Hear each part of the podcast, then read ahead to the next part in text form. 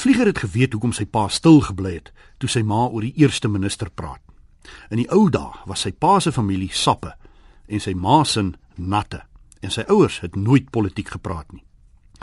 Vlieger se pa se ouer broer David het nooit teruggekom van die Tweede Wêreldoorlog af nie.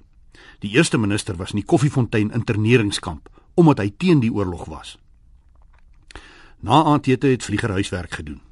Sy ouers in Drinie het in die sitkamer radio geluister.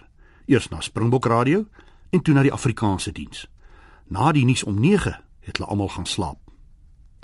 Die ganglig was af toe Vlieger later na sy slaapkamer stap.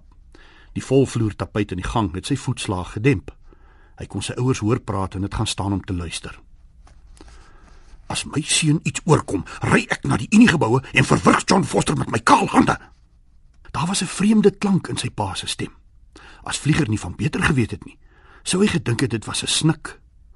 Kalmeer my man, daar sal niks met hom gebeur nie.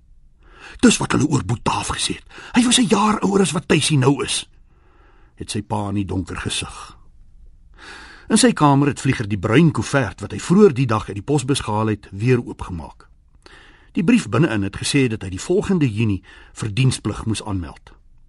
Vlieger het dit teruggesit. Junie maand was ver. Eers moes hy matriek deurkom.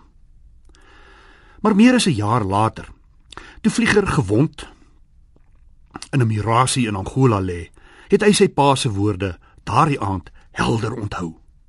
Hy het sy oë gesluit en gesien hoe sy pa na die Unie geboue ry om die eerste minister te verwrig.